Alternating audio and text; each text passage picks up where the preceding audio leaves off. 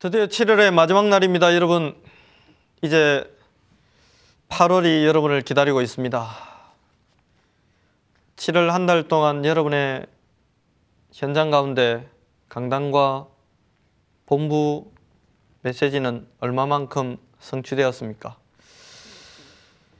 말씀 성취의 증인으로 어, 세워지는 축복이 지금 이 시간 여러분에게 임하기를 그리스도 예수 이름으로 축복합니다.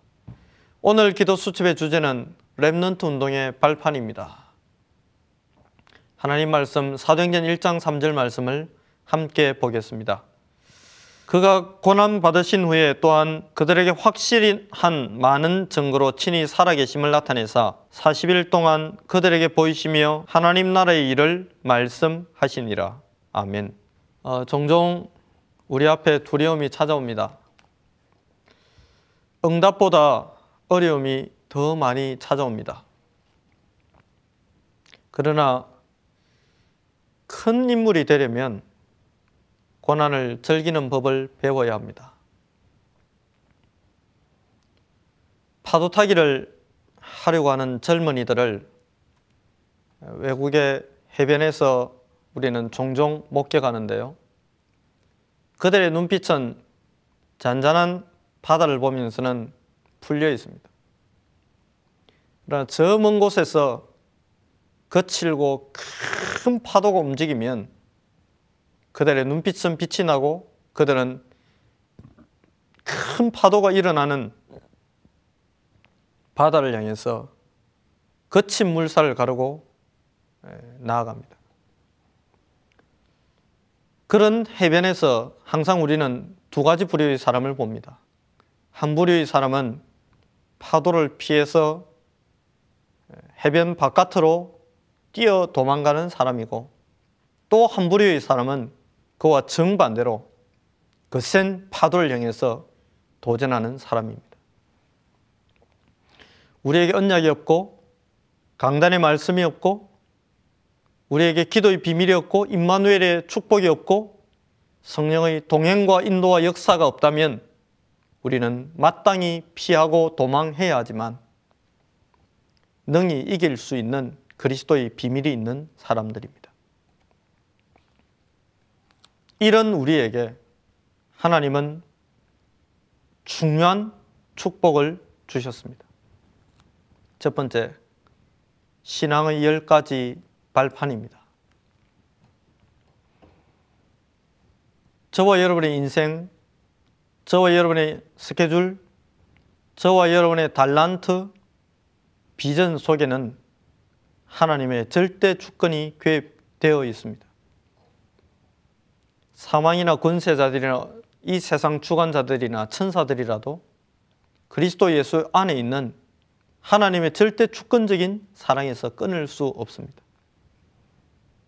그 절대 주권이 바로 저와 여러분의 인생의 발판입니다. 두 번째 발판은 모든 역사의 정점에 계시는 주인공, 바로 예수 그리스도입니다.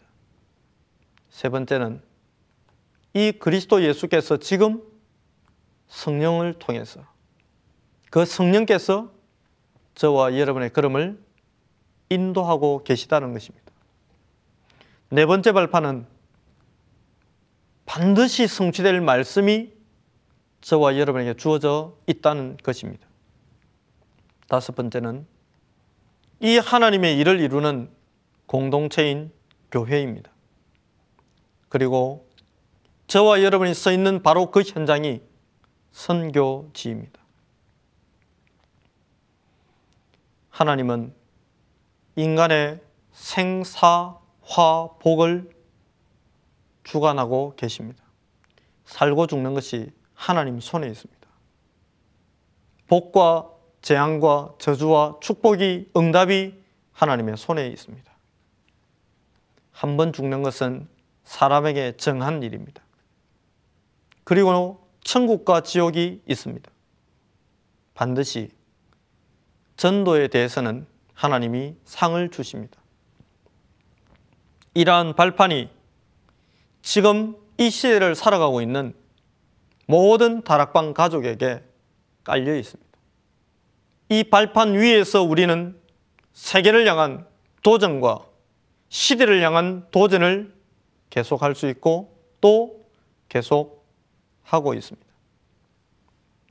이러한 발판이 여러분에게 있음을 꼭 기억하시고 발판을 활용하시기를 바랍니다. 두 번째입니다. 마가 다락방의 발판입니다. 마가 다락방에 모인 성도들은 연약한 자들이었지만 그들에게는 그리스도이신 예수가 모든 인생 문제를 끝냈다는 과거와 현재 미래의 모든 문제 모든 죄를 끝냈다는 그 그리스도가 사단의 권세를 꺾었다는 부활하셔서 성령으로 지금 함께 하신다는 이 언약이 그들의 발판이었습니다. 그리고 그들이 가는 모든 현장에 하나님의 나라가 임한다는 사실을 붙드는 발판이 그들에게 있었습니다.